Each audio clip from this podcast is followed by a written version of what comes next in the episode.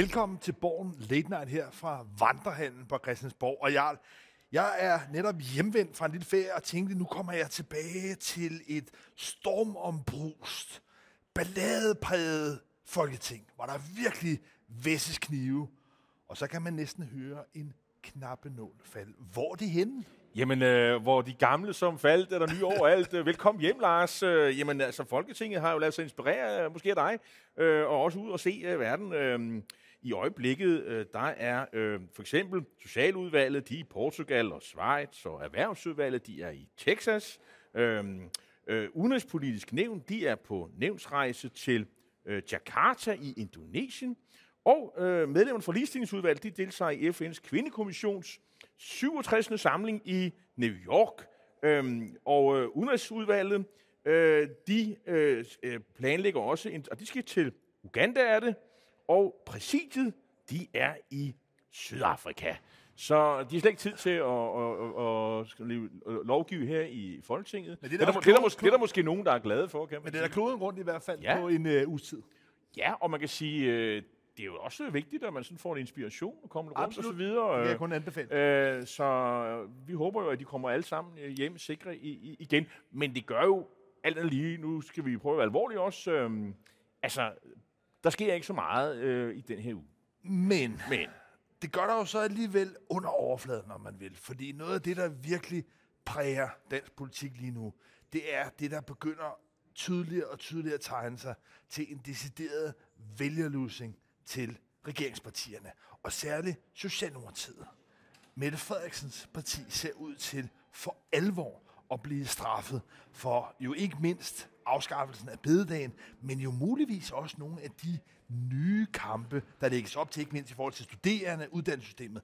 Men lad os lige prøve at tage de her målinger, fordi de begynder altså at pege samme retning, men jo alligevel med en vis spredning. Og det er mærkeligt nok sådan, at partierne i virkeligheden læser nogle forskellige målinger. Hvad er det for nogle målinger, Socialdemokratiet bedst kan lide? Ja, så hvis man øh, læser Gallus måling øh, fra i går, øh, så, så har øh, Socialdemokratiet godt nok tabt 5 procent, øh, men det er jo knap så meget øh, i forhold til, øh, hvis man læser Voxmeter, hvor man jo har tabt 9 øh, procentpoint. Øh, I Venstre, der læser man nok mere voksmeter, fordi øh, der har man kun tabt 1,4, øh, hvorimod hvis man læser Gallup, jamen så, har, så nærmer det sig øh, 3 procent. Øh. Så, øh, og så, øh, så det er jo klart, under alle omstændigheder, hvis man tager de, øh, de tre øh, øh VM-partier under et, jamen så er vi jo stadigvæk der øh, ved de målinger, som vi også kunne se allerede i januar, hvor man har tabt omkring 20 mandater. Så der er, det var ikke en indgangsforestilling, når man så de der ret forfærdelige målinger fra regeringen. Det er sådan set fortsat hen i, øh, i, i marts. Og, og, og det kommer selvfølgelig måske også ovenpå, at man jo i sidste uge jo vedtog, øh, at man afskaffede storbededag. Det tager lidt tid, før vælgerne de ligesom skal øh, acceptere det, og det, og det ligesom synker ind. Og det er jo så stor udsving, så der er også flere af meningsmålingsinstitutterne derude, som faktisk kan erkende, at det her er så stor udslag. Altså man har aldrig set, at Socialdemokratiet er faldet så hurtigt, som det sker lige nu. Og derfor kan man sige, skal man tage et vist forbehold. Men ikke desto mindre er det jo sådan, at den her psykologi, der ligger i læsning af meningsmålingerne, ikke kan gøre andet end, at de socialdemokratiske ministre begynder altså nu at sidde og tænke, au, au, au, vi bliver nødt til at komme i offensiven. Og det er jo der, hvor spændingerne internt i regeringen kan begynde. For en ting er, at de udadtil kan hævde, at de er enige, og de har et regeringsgrundlag. Men når Socialdemokratiet synker så meget, ja, så begynder der altså at være minister, så begynder der at være folk i Socialdemokratiet, som gerne vil have, at den her regering, og særligt Mette Frederiksen, også skal begynde at profilere noget, der er demonstrativt socialdemokratisk. Ja, og man kan sige, der er måske også øh, nogle folk nede i folketingsgruppen, som sidder og kigger på, bliver jeg genvalgt næste gang? Altså, der er nok flere af de her minister, som jeg tror, de skal, de skal som nok klare sig, fordi de er så højt profileret, og, og så videre. Øh, og, og også fordi de nok også de er også taget i ed på, at det her det er et projekt, og man kører på den her måde, hvor man jo ikke rigtig bruger lidt tid på at forklare, hvorfor er det nu, vi skal gøre det og det og det. Det er jo ikke det, som... Det, det er sådan om, at man siger, at det er sådan, øh, der er sådan lidt nødvendighedens politik over det. Vi landet er i krig, øh, eller Europa er i krig, og vi skal have oprustet forsvaret, så derfor kommer det til at koste nogle penge. Der er en regning, der skal betales, og øh, det er ligesom det, man, man har at køre med. Men, men ellers er der jo ikke nogen sådan gennemgående fortælling om, hvorfor er alt det her nødvendigt. Andet end reformer er nødvendigt.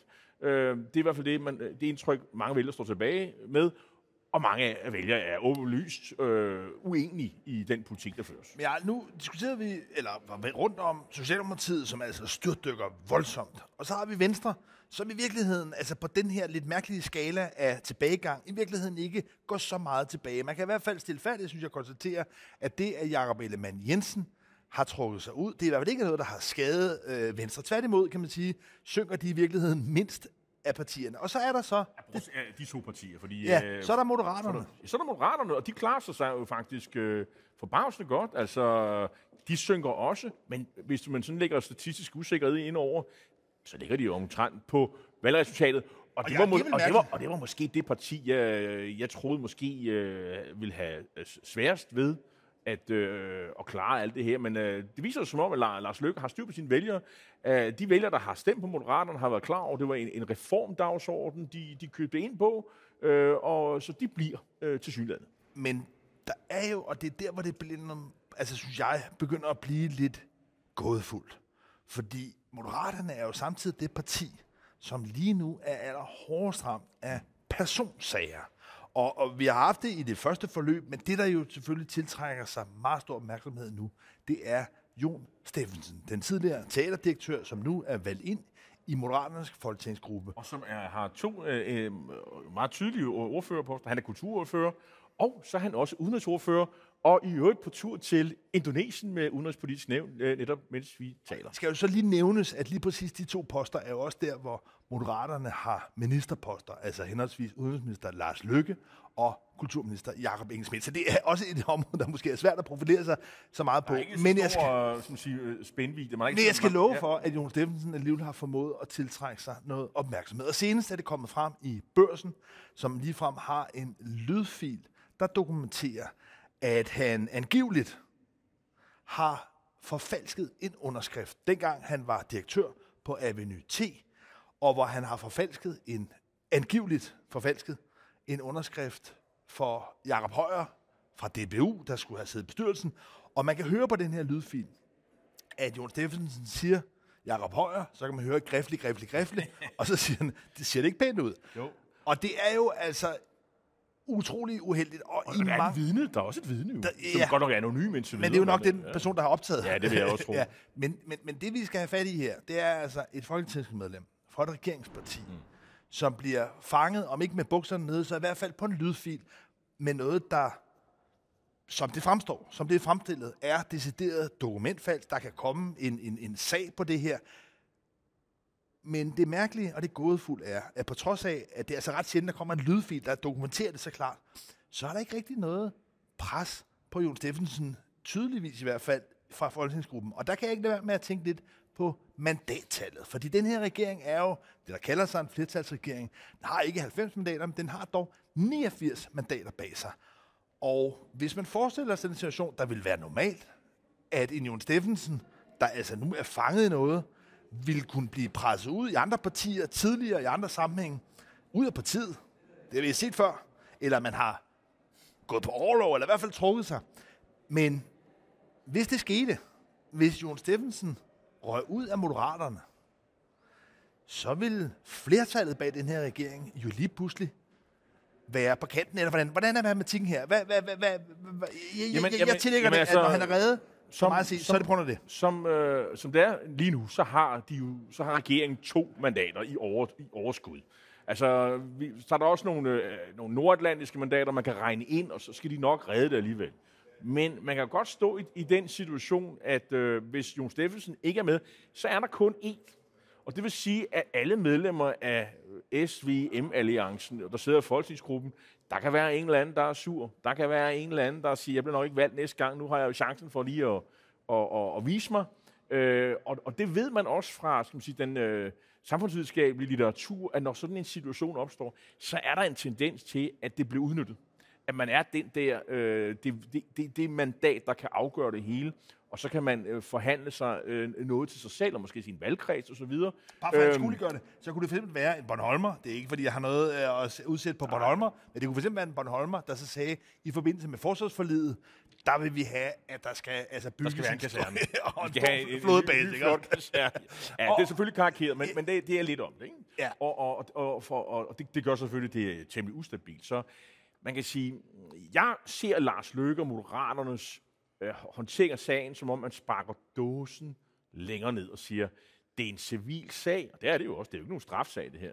Det er en sag, øh, som Jon Steffensen jo faktisk har anlagt mod sin tidligere øh, chef, bestyrelsesformand Henning Dyrmose, der er i parentes er tidligere finansminister for de konservative, nu er vi tilbage i 90'erne. Øh, det vil sige, det er en person, der har en vis troværdighed, også i, også i politik, når han hævder det her. Og ham har Jon Steffensen an, øh, anlagt en injuriesag øh, mod sig, og nu kan man sige, øh, jeg synes, at øh, noget tyder på, at, at Dyrmose, han har måske en god sag med også den her lyd, altså i hvert fald hans advokat, når, når det kommer til, til, til, i retten til sin tid, og det ved vi jo ikke, hvornår er det, sådan en sag, hvornår kommer en jurysager på? Kan der gå et halve? Kan der gå hele år? Det vil sige, at sagen er parkeret her, og så kan der jo ske meget. Så jeg forstår egentlig godt øh, Lykke ved at sige, det er en privat sag, det er en jurasag, det handler ikke om øh, Jon Steffensens øh, øh, politiske virke, men der er jo også noget, der hedder moral, politisk vandet, at de mennesker, vi, vi, vi vælger til Folketinget, det skal være nogen, der i offentlighedens øjne fremstår som øh, retskaffende og ordentlige mennesker osv. Øh, det er jo ikke, nok ikke alle, der har, der har hørt den lydfyld og set de her påstande, som når til den konklusion og det, med hensyn til Jon Steffensen. Jeg, og, det, ja. og man kan sige, medierne er jo også øh, helt vilde og presser ham, og de presser Lykke. Øh, så hvor længe kan det her holde? Jeg vil til sige, at Jon Steffensen står med en møjsag. Altså en virkelig, virkelig dårlig sag, hvor de ting, han har været ude med, på ingen måde har været med til at dulme det. Så isoleret set, Jon Steffensen står med en virkelig dårlig sag. Og oven i det, og det er en afgørende faktor i det her, så er det netop, du siger, at den bestyrelsesformand i Avenue 10, altså det teater, han tidligere var direktør for, er Henning Dyrmose som altså både har meget, meget stor troværdighed herinde på Christiansborg, men også har det blandt andet i erhvervspressen i en avis som øh, børsen. Altså han er en meget, meget troværdig kilde. Så på den måde er der altså et, et, et, et pres, der gør, at under normale omstændigheder, en uerfaren politiker som Jon Steffensen, der råder sig ud i det her, der er op imod en gammel hanelefant som en Dyrmose, ville være tvunget til at forlade politik. Men der er det altså, der er det altså den her valgmatematik, der er det det, at det er det afgørende mandat for regeringen, og derfor er der ikke noget politisk ønske om at, at rokke båden. Jeg tror bare, at man vil vinde tid og, øh, og sige, det må, og det, ja, det tror jeg egentlig er meget klogt, men øh, her om ikke så længe, så har Moderaterne jo deres øh, første landsmøde, og, og der er jo Steffensen også en, der skal tale om, øh, og Moderaterne, og ligesom folde hele fortællingen ud og så videre.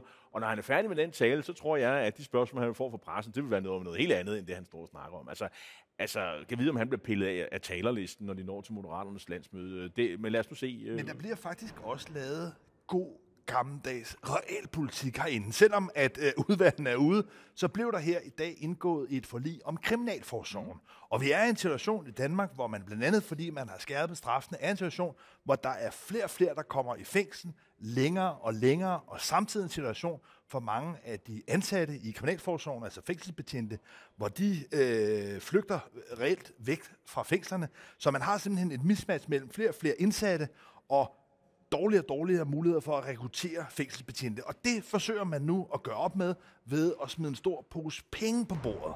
Ja, og, altså, og også for at bygge nogle, øh, nogle, nogle flere fængsler faktisk, øh, nogle udslusningsfængsler. Øh, og, øh, og, og det her er lidt en gammel sag, fordi øh, tilbage i 2021, nu er vi tilbage i sådan, øh, øh, altså for halvandet år siden, der blev faktisk lavet en aftale med regeringen, øh, den daværende S-regering, SF, øh, øh, de konservative og øh, Dansk Folkeparti, hvor man fandt nogle penge, og man skulle blandt andet, det tror jeg, du kan huske, øh, lave øh, nogle fængselspladser nede i Kosovo, hvor man jo kunne sende nogle af de mennesker med, som man ikke rigtig havde lyst til at være i Danmark, øh, for eksempel udlænding, øh, som øh, havde begået kriminalitet i Danmark, så kunne man sende dem derned. Øh, og, Rwanda light, ja, det kan du sige. Øh, men, men det er ligesom ikke at komme op og køre endnu. Det håber man, der kommer til at køre nu her i, i år, faktisk.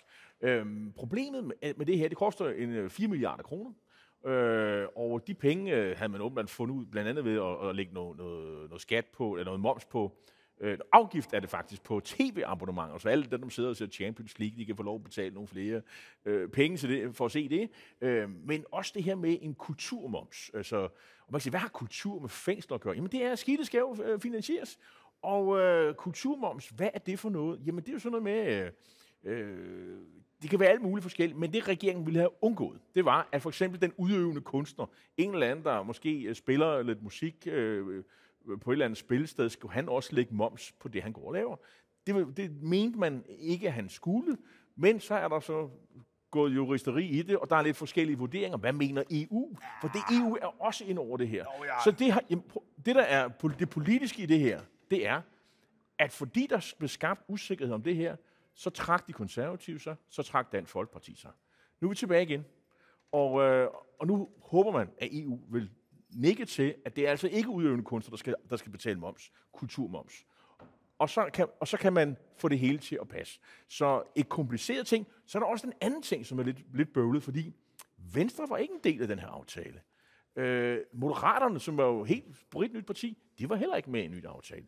Så men nu har man igen, så det er noget, Peter Hummelgaard, øh, justitsministeren, han har fået strikket sammen, og man må jo bare sige, at øh, øh, det er måske ikke nogen kæmpe store ting, men det er et, en bunden opgave, som Peter Hummelgaard jo har løst, og, øh, og hvis det er, at øh, de konservative og Dansk Folkeparti er med ombord, og SF, øh, så er det jo godt politisk håndværk. Der er jo tvivl om, at hvis der er et meget bredt politisk flertal, og det er der, for at have længere og hårdere straffe, så bliver man jo også nødt til at finansiere fængsler og udslusningsfængsler og hvad ved jeg.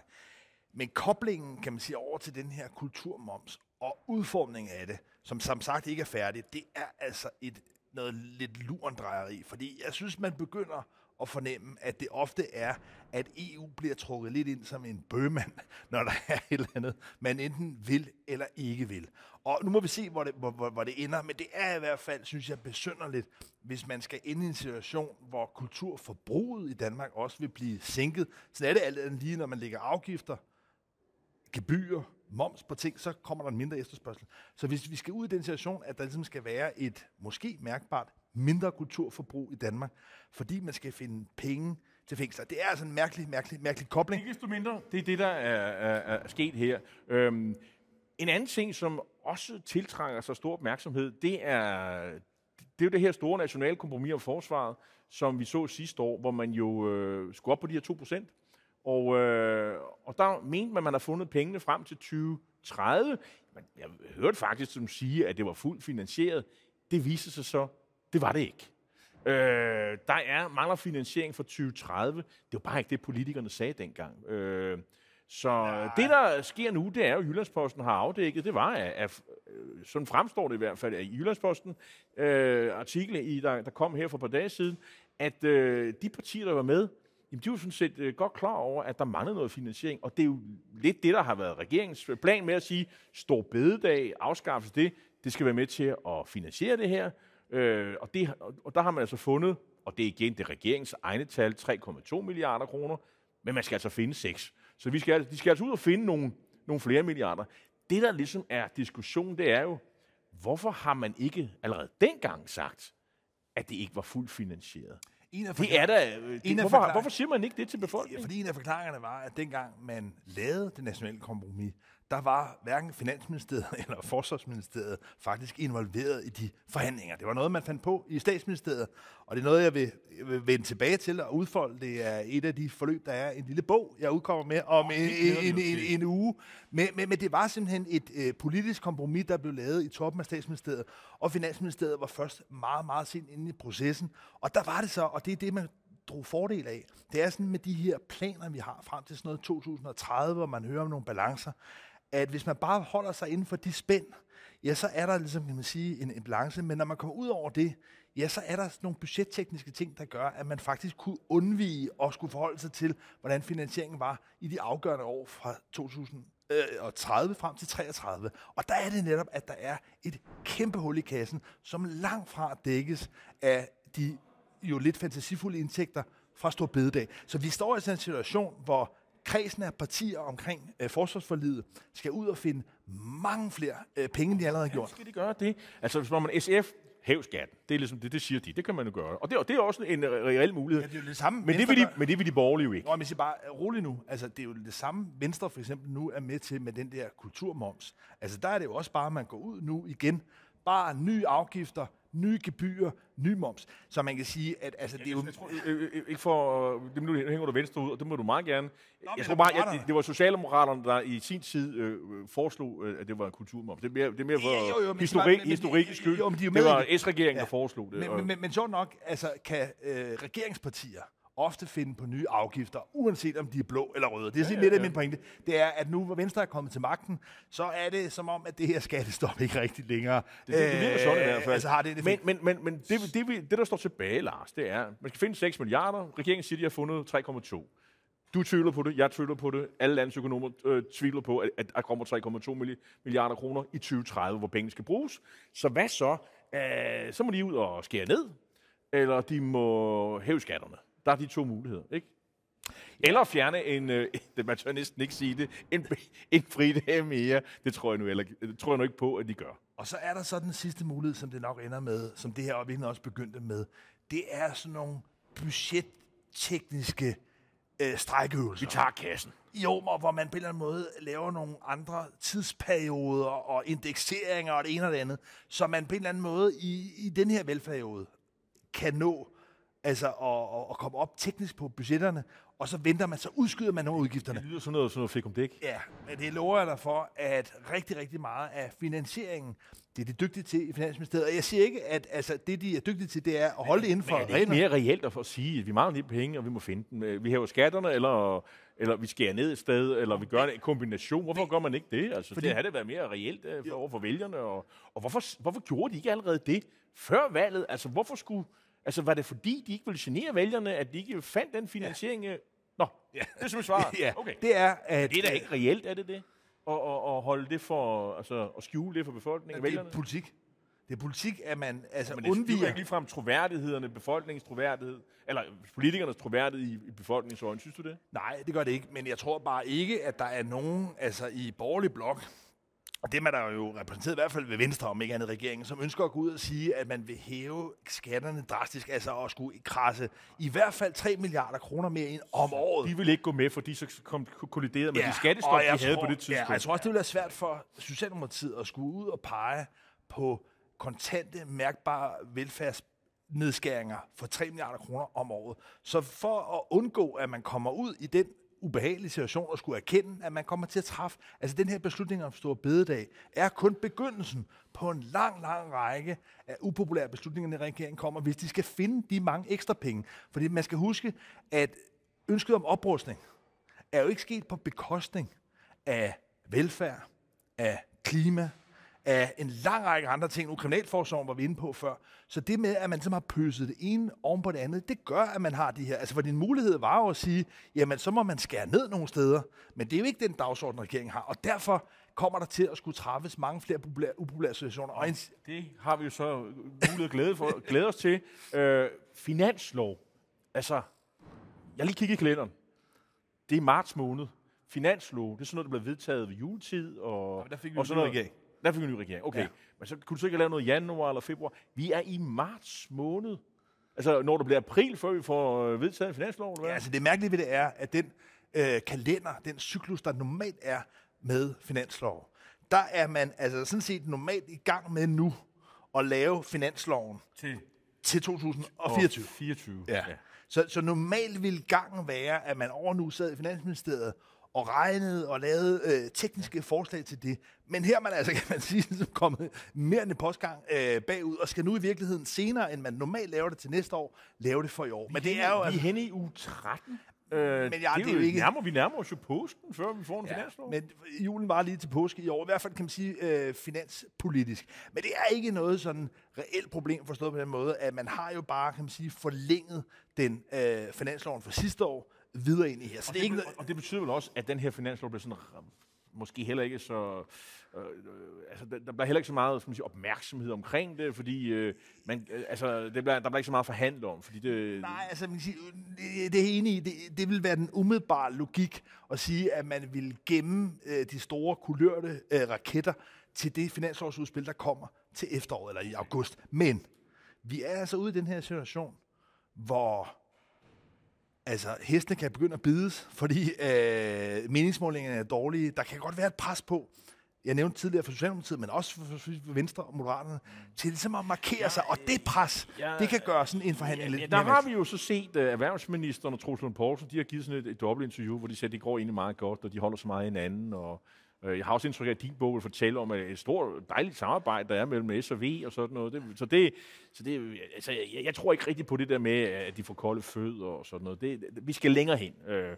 Og hvis målingerne så ikke retter sig, så er det, at de begynder at øh, og, og få kolde fødder, og så skal der ske et eller andet i panik. Mette Frederiksen virker ikke som en, der handler i panik. Øh, Undskyld mig, jeg siger det. det er ikke, og, og så venter vi jo på, at Jacob Ellemann kommer tilbage igen. Øh, jo, Men vi venter det hele taget på, at, øh, at folk kommer tilbage her i øh, ja. de tomme haller. I skal have tusind tak, fordi I så med, og vi lover om en uge at være tilbage sammen med politikerne til det drama, der vil fortsætte foråret ud. Tak fordi du så med.